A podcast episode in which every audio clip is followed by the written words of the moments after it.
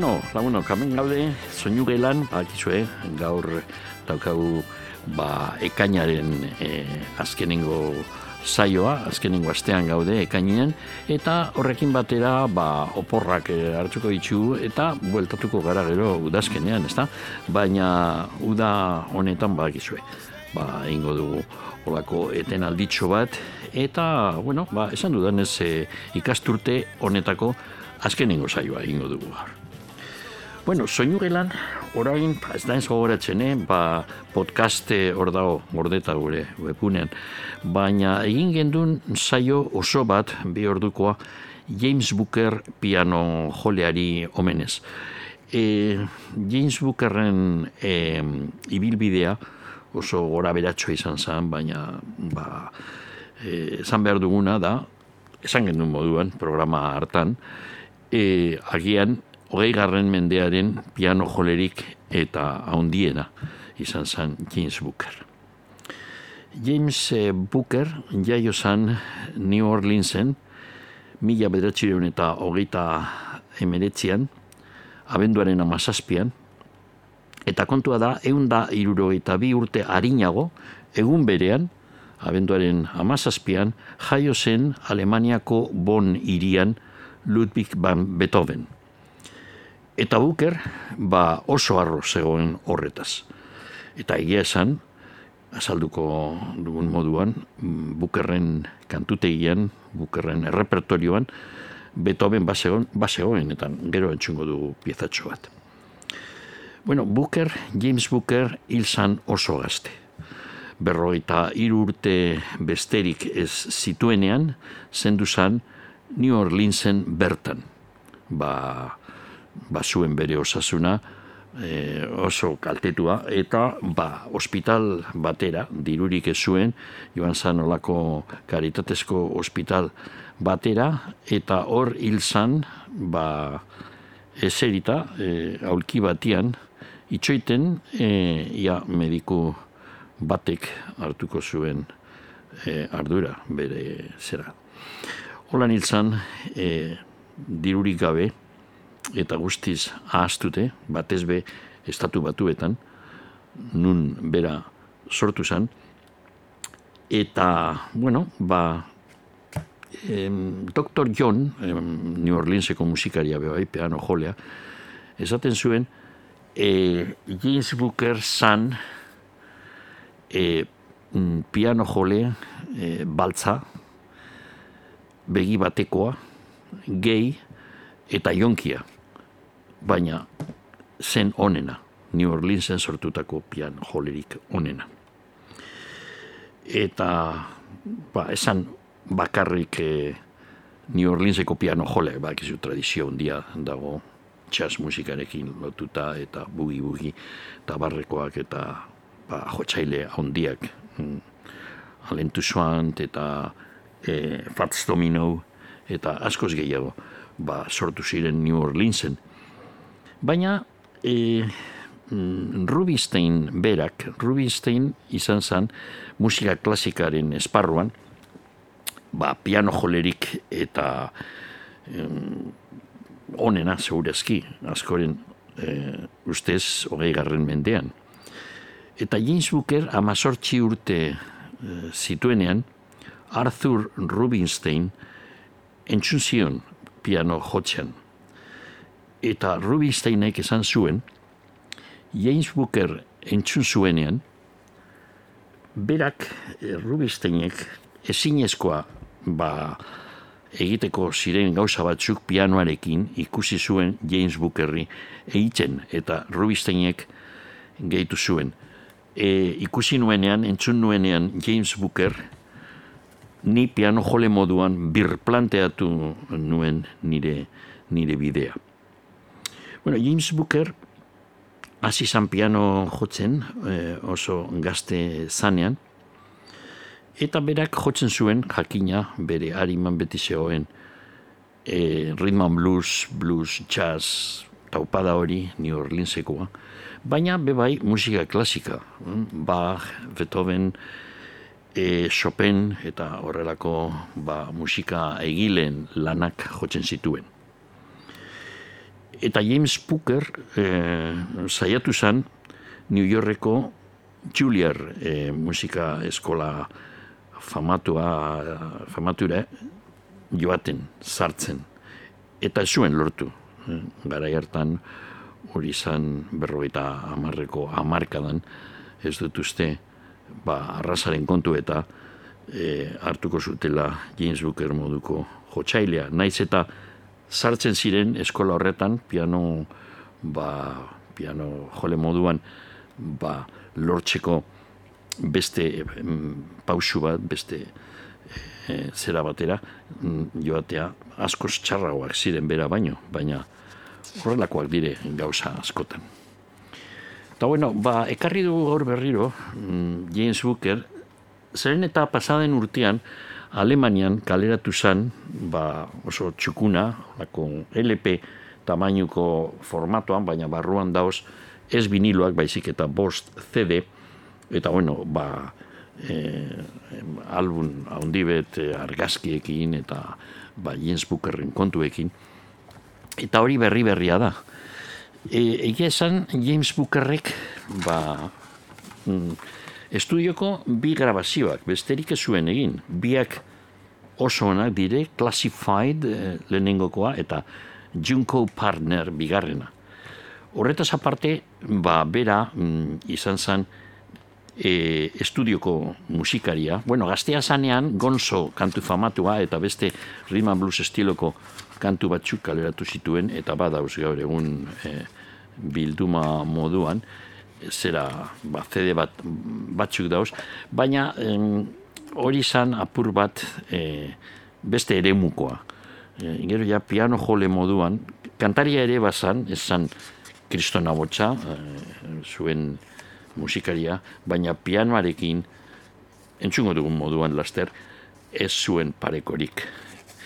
Eta bueno, kontua da, gero, mm, kaleratu ziren, e, bueno, berak egin zuen lan, e, beste artistekin lagundu ziren estudioan, mm, grabatzen gauzak, esate baterako Ringo Starrekin, grabatu zuen Ringo disko famatua, The Doobie, The Doobie Brothersekin, Fats Dominorekin, Areta Franklinek egin zuen grabazio bat, e, zera, e, Quincy Jones produktoriarekin, eta e, bera igazan eta batez be, T-Bone Walker, e, bluesman handia, texarrak, egin zuen very rare, vinilo bikoitza, e, Jerry Leiber eta Mike Stoller produzitua, eta bertania kantu guztietan piano josituen.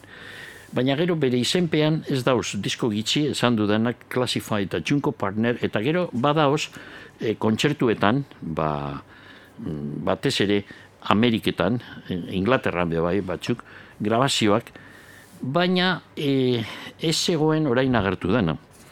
Hori Alemanian kaleratu dute, esan dudan moduan, deitzen da Behind the Iron Curtain. Hori da, altzairu oiala, badakizu Alemania, zatitu zanean, Berlin, Berlinen e, eraiki zuten altzairuzko, e, bueno, altzairuzkoa esan, zan adriluzkoa, baina izena zuen altzairuzko oiala edo teloia. Eta, ba, altzairuzko oialaren atxean, beste aldean, deitzen da, e, bilduma. Eta hemen zer daukagu? Hemen daukagu bi kontzertu osoak. E, ekialdeko Alemanian, Alemanian Republika Demokratikan egindakoak, bata izan zen, e, abenduaren hogeita bian, mila bedatxiren eta irurogeita maseian, izan zen ekialdeko mm, Berlinen, eta bigarrena, e, bueno, gero agertzen da bilduma honetan bebai, hori ez dut uste osoa dagoenik, e, Suiza, Suitzako lausanan, urtarrian, ogeita, zazpian, mila bedatzen eta irurogeita, ma zazpian egin zuen beste kontzertu bat, eta gero osoa ere beste bizedetan, e, ekialdeko Alemanian, berriro ere, Leipzig e, irian egin zuen e, kontzertua urriaren hogeita bederatzean, mila bederatzen eta irurogeita ma zazpian. Eta kontzertu hauetan, grabazio hauetan, ikusi aldu benetan ba, James Bookerren poterea. E, kontzertu bakoitzean, bueno, bi, bi ordu baino gehiago mm, grabatu zen, eta hasiko gara kantu batzuk entzuten. Lehen aipatu dugu, estudioan grabatu zuen e, bi LP, gara jartan LPak ziren, Classified izan zen lehenengokoa. Eta Classified kantuarekin hasi zen e, ber, ekialdeko Berlinen egin zuen kontzertua. Orain entzungo dugu kantu hori James Bookerrek komposatua Classified.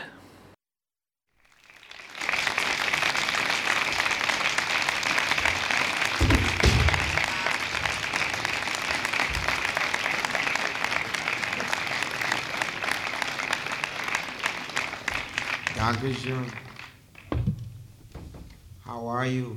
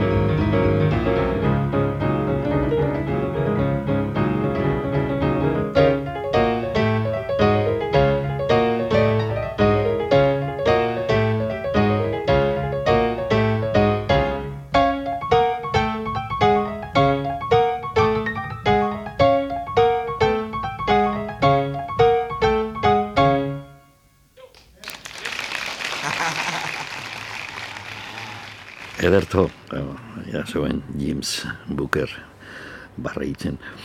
E, urrengoko doinoa, entzungo duguna, ba, Zekiño de Abreu Brasildarrak komposatu zuen, eta kantua beti, edo ia beti, zegoen e, James Bookerren repertorioan. Hau da tiko-tiko izeneko doinu.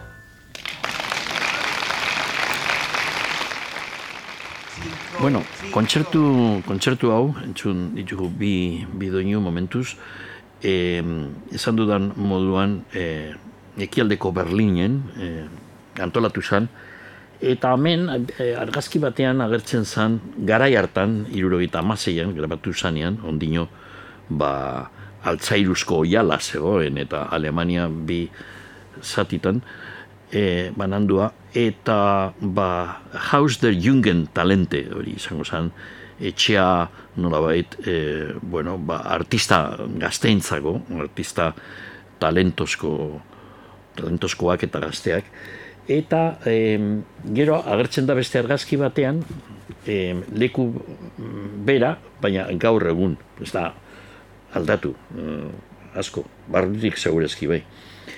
Eta, bueno, hau da Pode Wills izeneko jauregia du izena, zuen izena eta berriro emon diote izen hori, eta ondino gaur egun erabiltzen da kontzertuetarako, eta, bueno, kontzertuak eta ba, zerkia eta horrelako kontuetarako. E, deitzen da Pode Wills e, jauregia, ze mm, Prusiako ba, gizon aberatsa Graf von Podewilzek e, eraiki zuen e, ba, Federico haundiaren e, garaian. Bueno, entzungo dugu orain beste beste kantu bat. E, kompositorea abizen euskalduna zuen. Ernesto Lekuona. Ernesto Lekuona dudarik gabe Kubako, garran mendean Kubako musikaririk haundilena izan zen.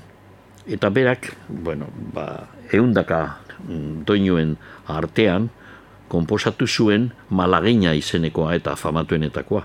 Eta hori da, ba, James Bookerrek aukeratu zuena kontzertu honetarako. Here is my version of Malacaña a la Louisiana.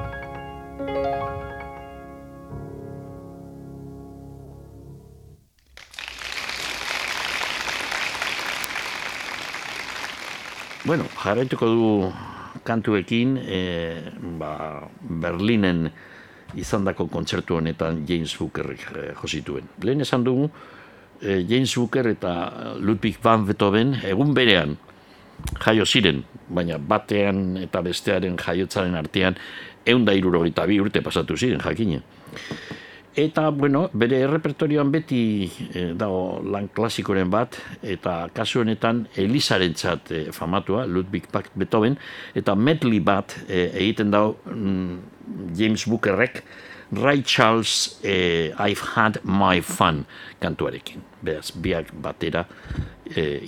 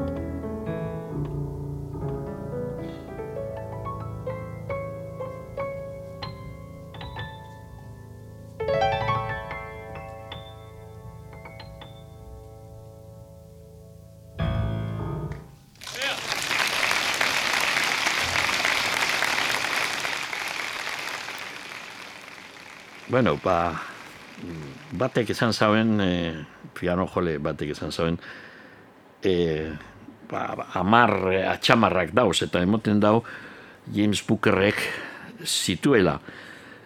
Amar burmuin, e, eta ba, atxamar bakoitzaren zate bazuen.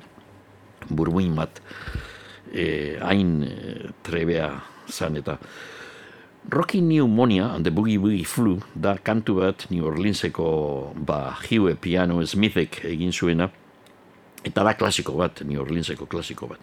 Eta hoxa erria entzungo duguna orain, kontzertu honetatik azken egun kantua entzungo dugun gaurko txaiuan. Hau da, Rockin' Pneumonia and the Boogie Boogie Flu. All I squeeze out, all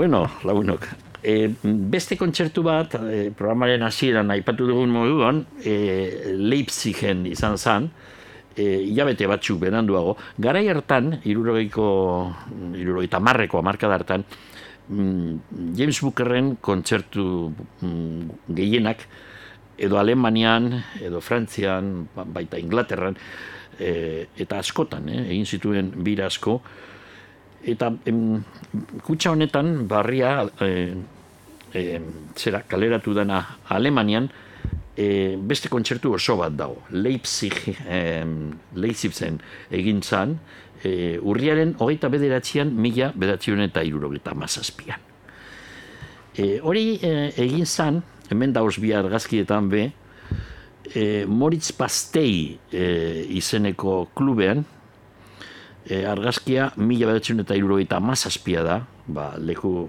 pitxin bat kutrea emoten dau, eta justu urte hartan izan zen, e, izan zen mm, kontzertua.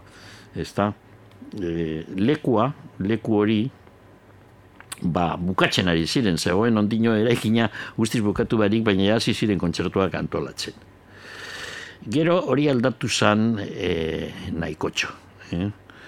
E, Karl e, Unibertsitatean, e, bueno, horko e, ikasleentzako ba, zentro bat, Moritz Bastei izenekoa, e, ikasleentzako e, klub edo zentro bat e, egin zan, eta hausak zer diren garai hartan, Angela Kasner izeneko ba, fisika e, karrera egiten zuena, egon zan e, laguntzen, e, em, zera, eraikin haun e, egiteko. Ba, Angela Kasner hori 2000 eta bostean bihurtu zen Angela Merkelen izenpean, ba, Alemaniako lehenengo andra e, kanzillerra esan zala.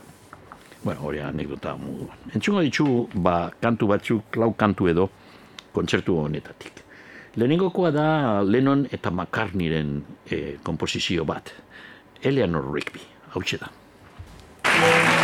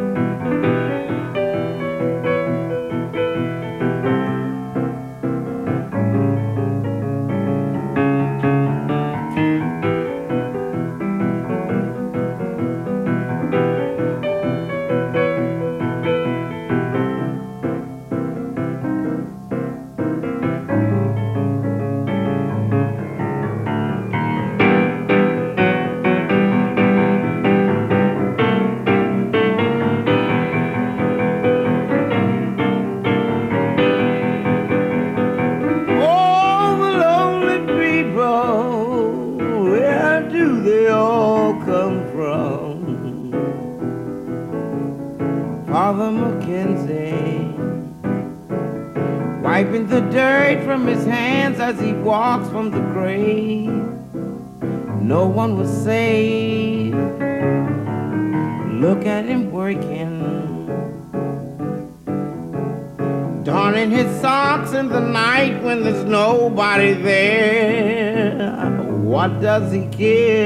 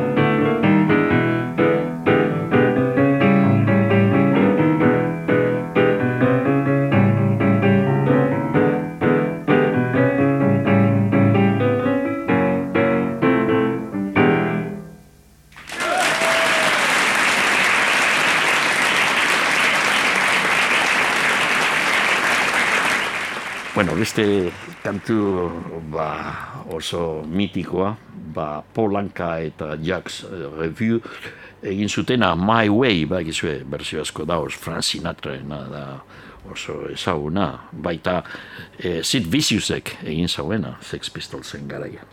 Hau da, pianoaz eh, James Bookerrek egin zuena, kontzertu honetan, Leipzig.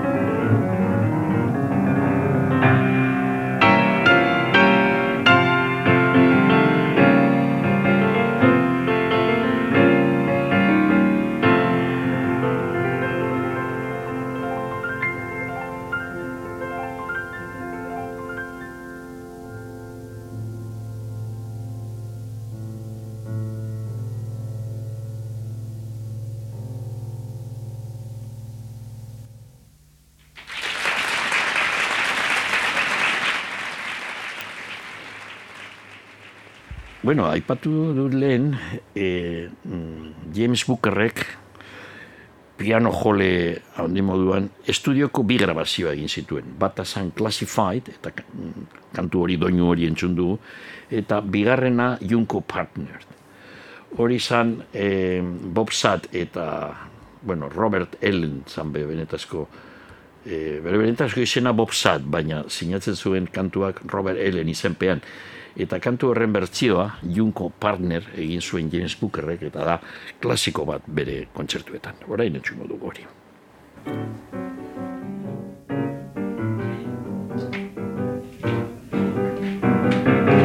Down in the bayou, we used to do this all the time. Sometimes we still do.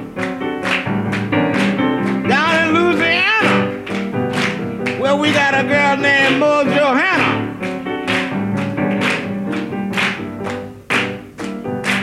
She said, down the road, come a Junko partner right now. Boy, he was loaded, he was loaded, loaded as can be. He was knocked out and knocked out, knocked out, loaded right now sing it.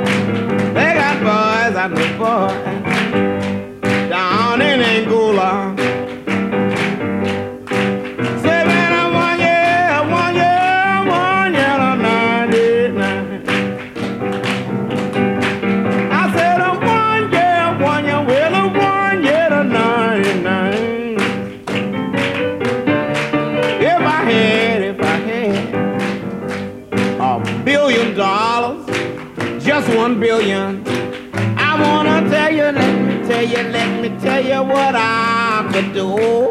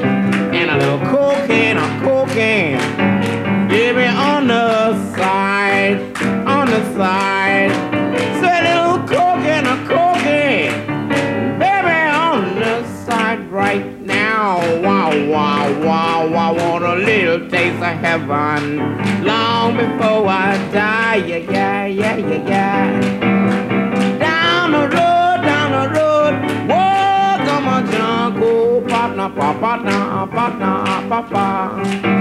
Knock down, knock down, knock down, loaded, was loaded, was loaded, was loaded.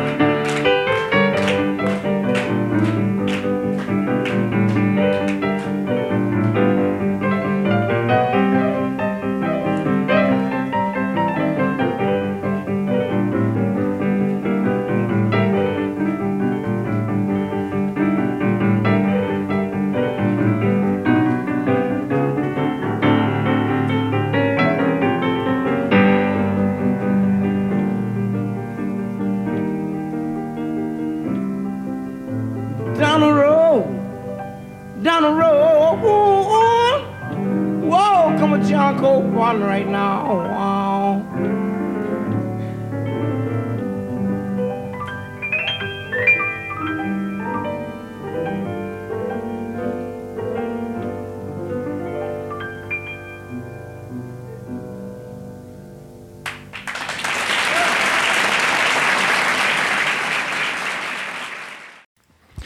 Ederto, eta orain azkenengo kantua e, entzungo dugu kontzertu honetatik eta gaurkoz John Bakerrena.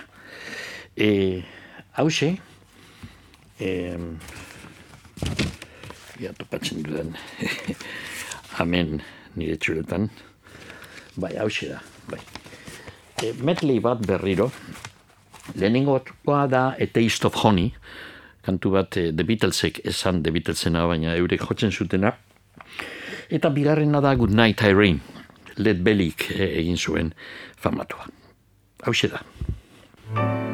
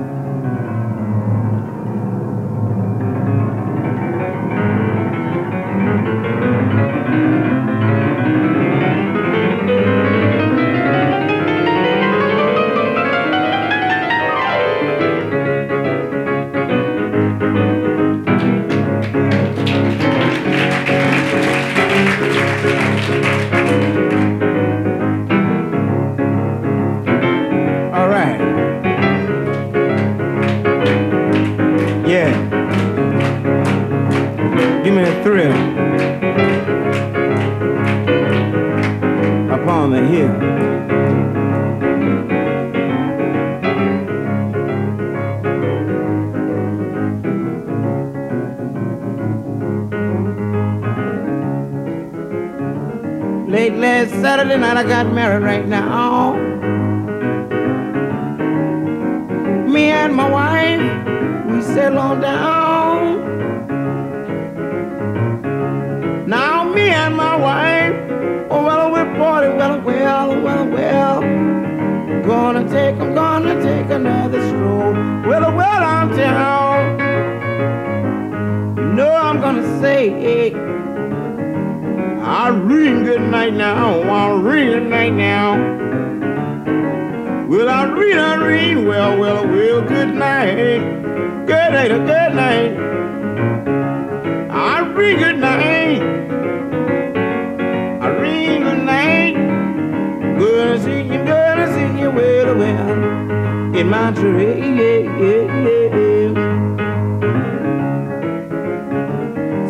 My gambling, I stop all my rambling now, now, wow, wow, wow.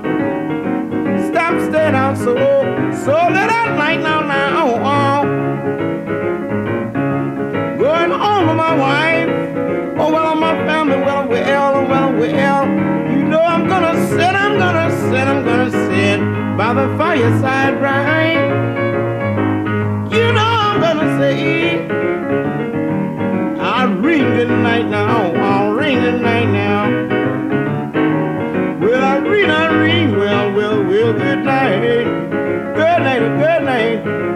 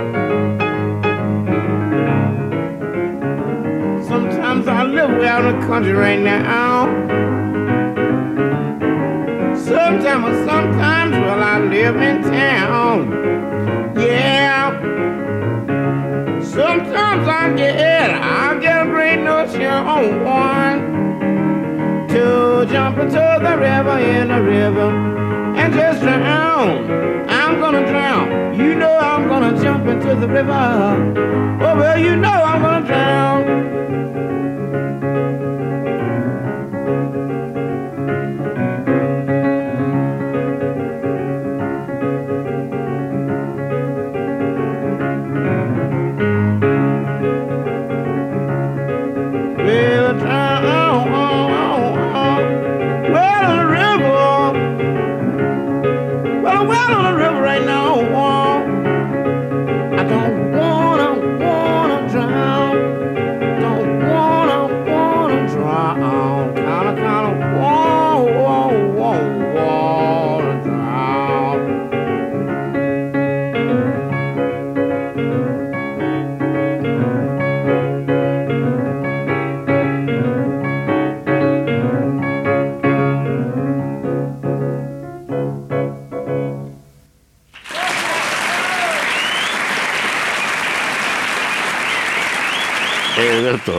bueno, James Booker, handia, benetan.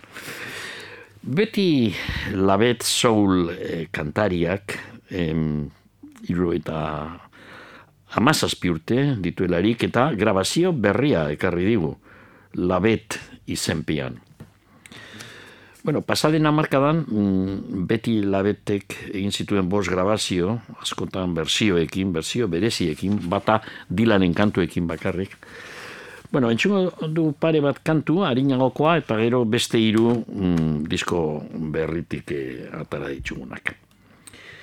Lehenengokoa entzungo duguna, agertu zen 2000 eta marrean, Interpretations, zuen izena ba, grabazio horrek, The British Rock Songbook, beraz hauek ziren Inglaterrako e, e, talde eta bakarlarien kantu famatuak, eta beste batzuk ezain famatuak, versioneatuak. Entzungo dugu Wish You Were Here, bakizue, Waters eta Gilmourrek egin zutena e, eh, Pink Floyd garaian. Wish You Were Here.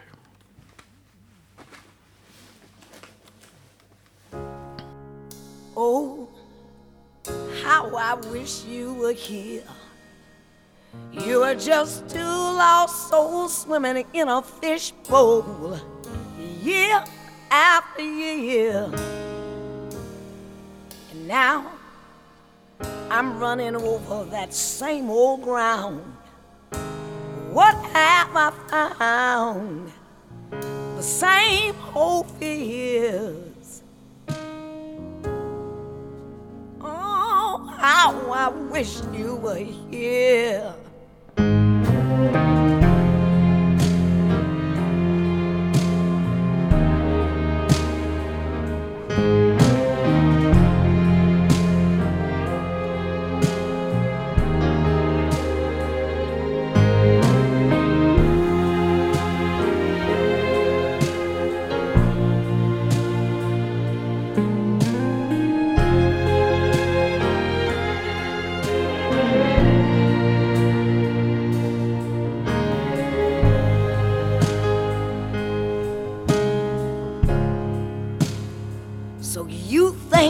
Can tell heaven from hell, blue skies from pain? Can you tell a green field from a cold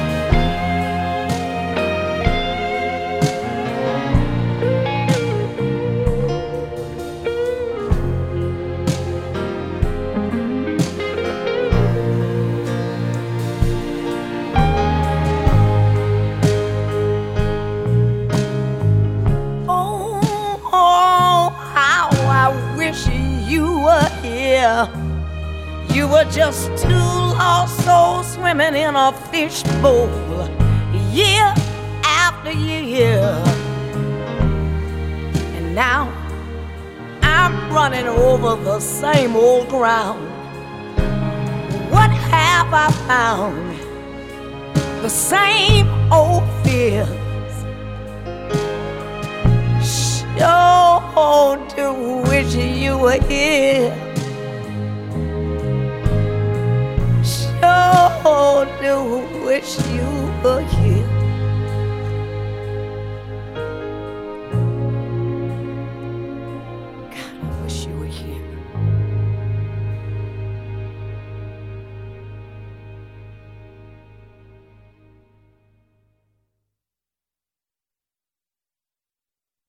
Beti, beti labet mm, jatorriz e, Detroitkoa zan, Tamala Motown garaian grabatu zituen ondino gaztetxoa zanean, eta gero ba, jende askorekin ibili da diskoak e, egiten, grabazioak egiten. E, bueno, ba, ipatu alditu ba, biretan ibili dala ondizekin e, Benny King, Barbara Lynn, Otis Redding bera, James Brown, Cat Calloway, baina e, bere ibilbiderik eta distiratsuena izan da ja edadetxoa zanean, eta gaur egun arte, jorin iruita amazazpi urterekin eta grabazio berria egin dau. Gero entzun ditugu kantu batzuk. Momentuz, e, 2000 eta amabian, beste, mm, grabatu zuen beste disko batetik, entzungo du Dirty Old Town, bakizue, joan Eskoziako Ewan MacDonald, Ewan MacDonalden kantua, mm, oso famatu egin zan, bueno, berzio asko dauz, The Dubliners eh, jotzen zuten kantu hau, eta Poguesek eh, egin zuten kantua, bai, famatua. Baina asko sarinago komposatu zuen Ian McDowell, eta ba, mm, Andra honek aukeratu zuen kantu hori, Dirty Old Town. Ez da oikoa, soul kantariak egiten dauela holako kantu bat eh, folk mundutik, eh, Eskoziako, Inglaterrako folk mundutik datorrena. Hau da, Dirty Old Town. Dirty Old Town hori Salforda, Manchesterretik eh, oso gertu dagoen hiri industriala.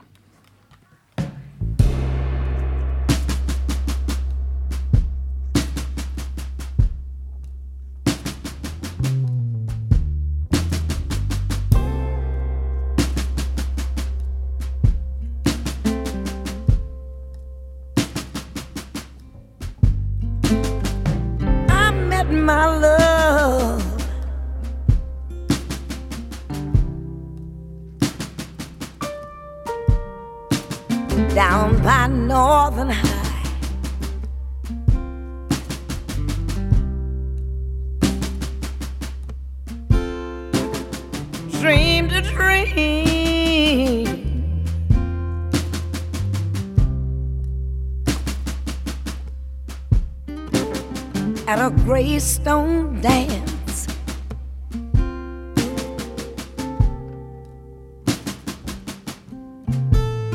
I kissed my love.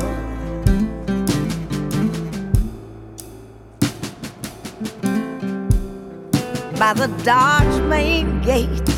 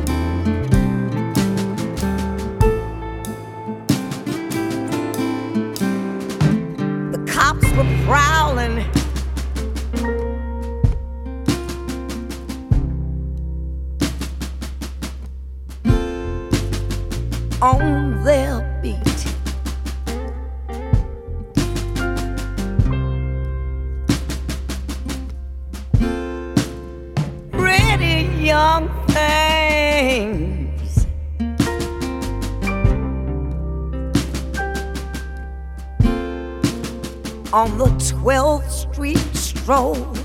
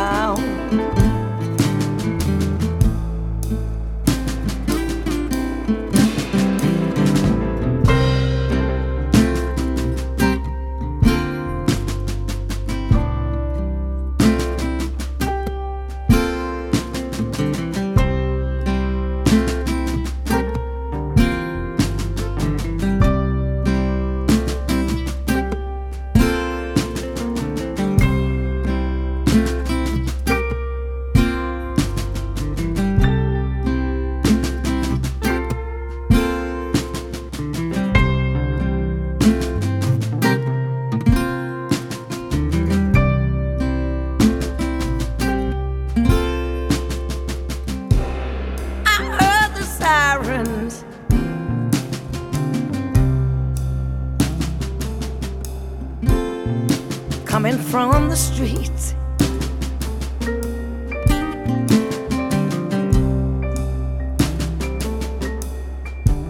I saw some folks.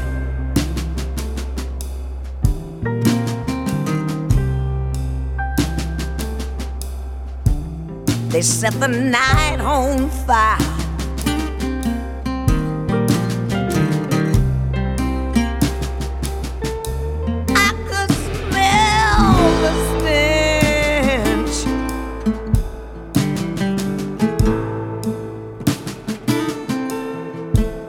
Of the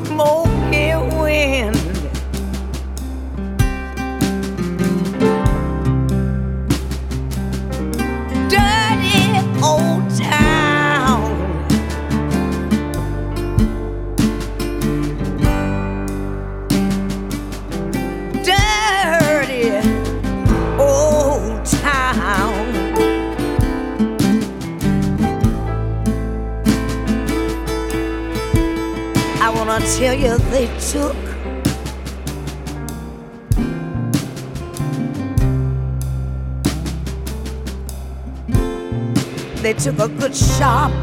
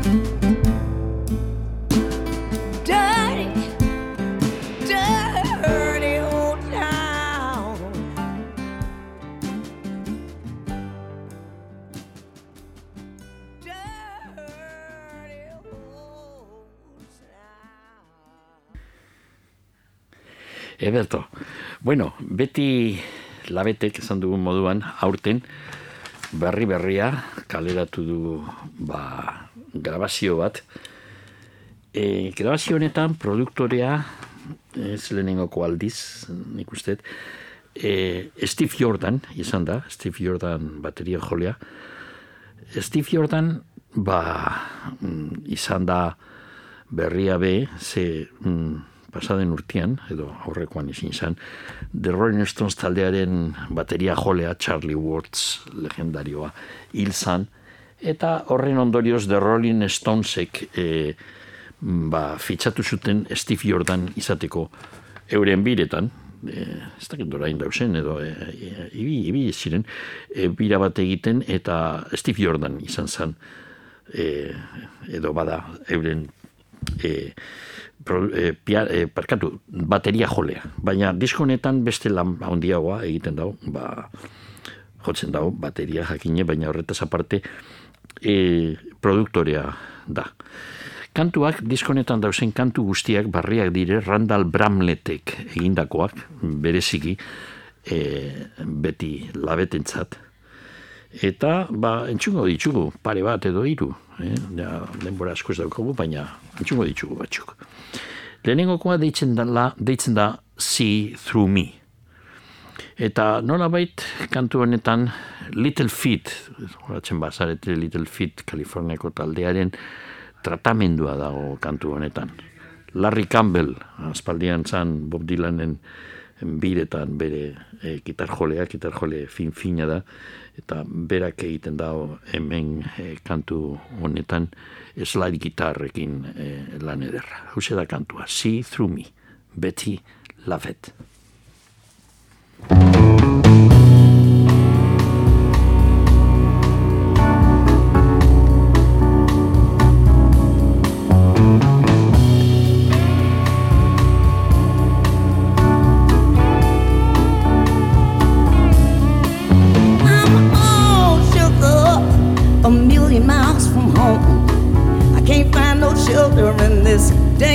Zone. Shooting across the sky in the middle of the night. I'm a falling star, gone too far, running out of light. You have got to be my steady rock. I keep on shaking like I'm never gonna stop. I live my life like a rolling stone. I keep on rolling, but the thrill is gone. Somebody see through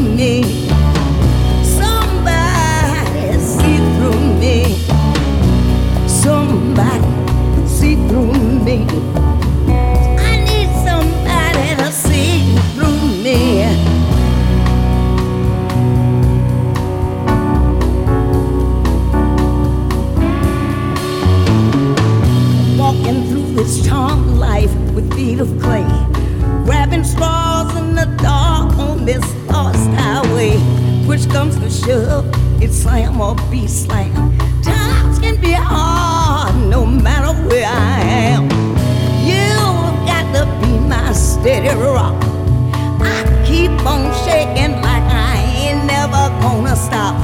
I live my life like a rolling stone on rolling, but the thrill is gone. Somebody see through me. Ah, Somebody see through me. Somebody see through me.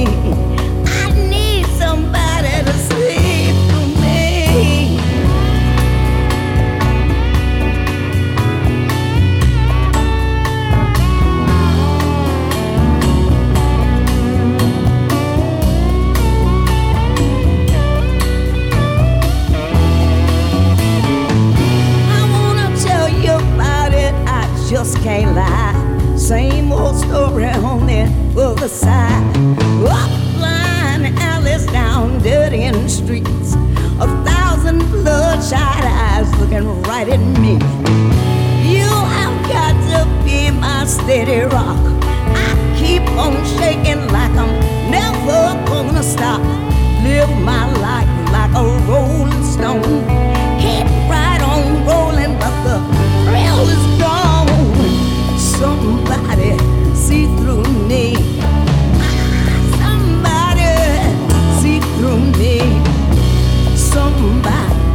See through me.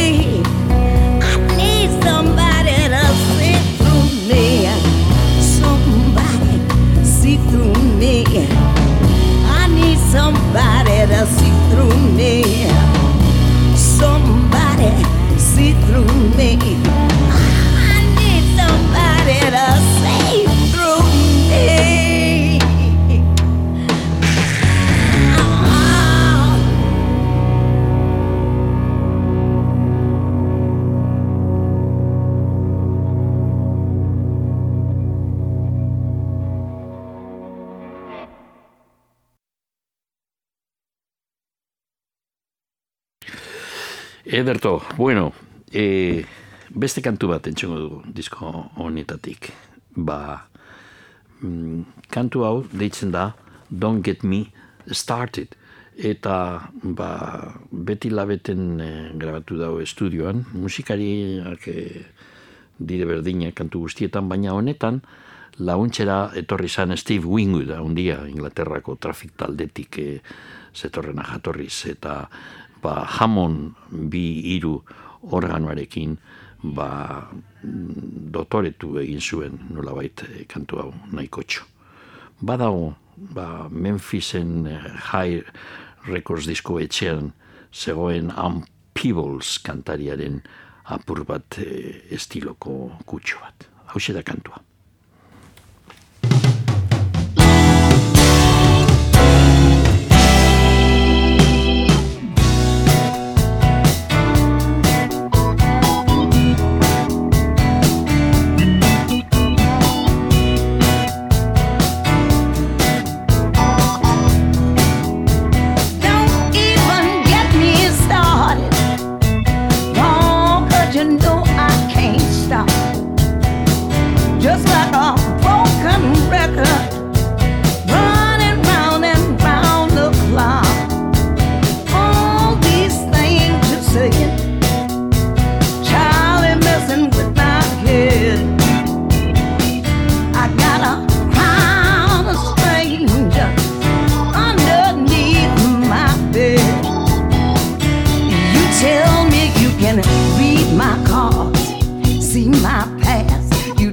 that my loving wasn't meant to last.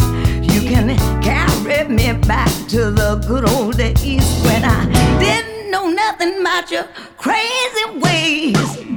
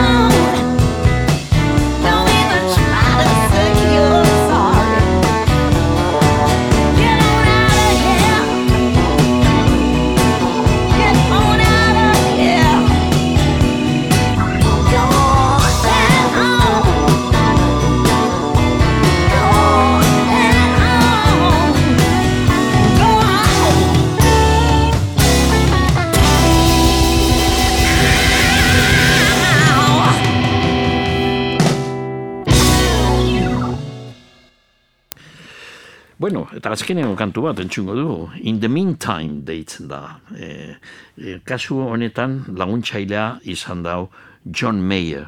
E, John Mayer estatu batuetako gitar jolea ez da hain ezaguna, baina adituen ustez da gitar jole, e, osea, gitar elektrikoaren, elektrikoaren jotzailerik eta onenetakoa.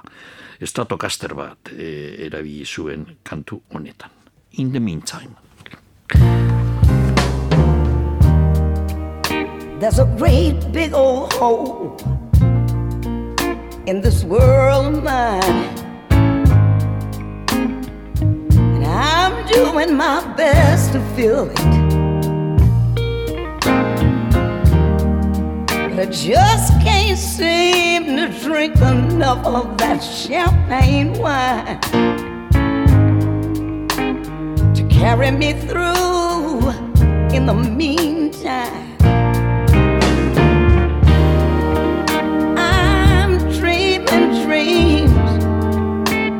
Of my used to be, telling everybody I'll be just fine. One day I know it's all coming back to me. Welcome to my life in the meantime. There's a face in the mirror that I swear was mine. But lately, I hardly know it. Love, hope, and faith used to light up these eyes of mine. But there have been too many drinks and tears in the meantime. I'm dreaming dreams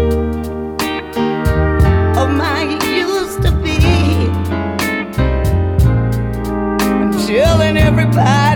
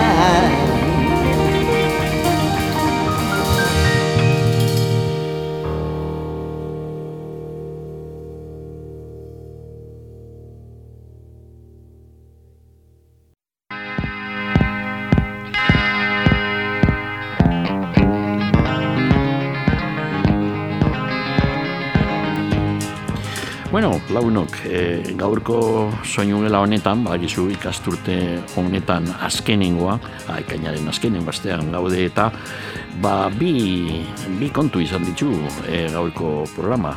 Hasieran lehenengoko zatian, James Booker piano jolea handiaren bi kontzertuetako, ba, ilo eta marreko amarkadan egindako kontzertuak e, ekialdeko Alemanian, Berlinen, e, ekialdeko Berlinen eta Leipzigen, eta diskoa Alemanian aurten kaleratu dire, bueno, bilduma bat, bost CD-etakoa, eta hortik hainbeste kantu entzun ditugu. Eta gero, beti Labet, Detroitko soul kantaria izan dugu, ba, naiz eta iro eta mazazpi urte izan, disko berri berria ekarri digu Labet e, izenikoa eta poteretsua benetan.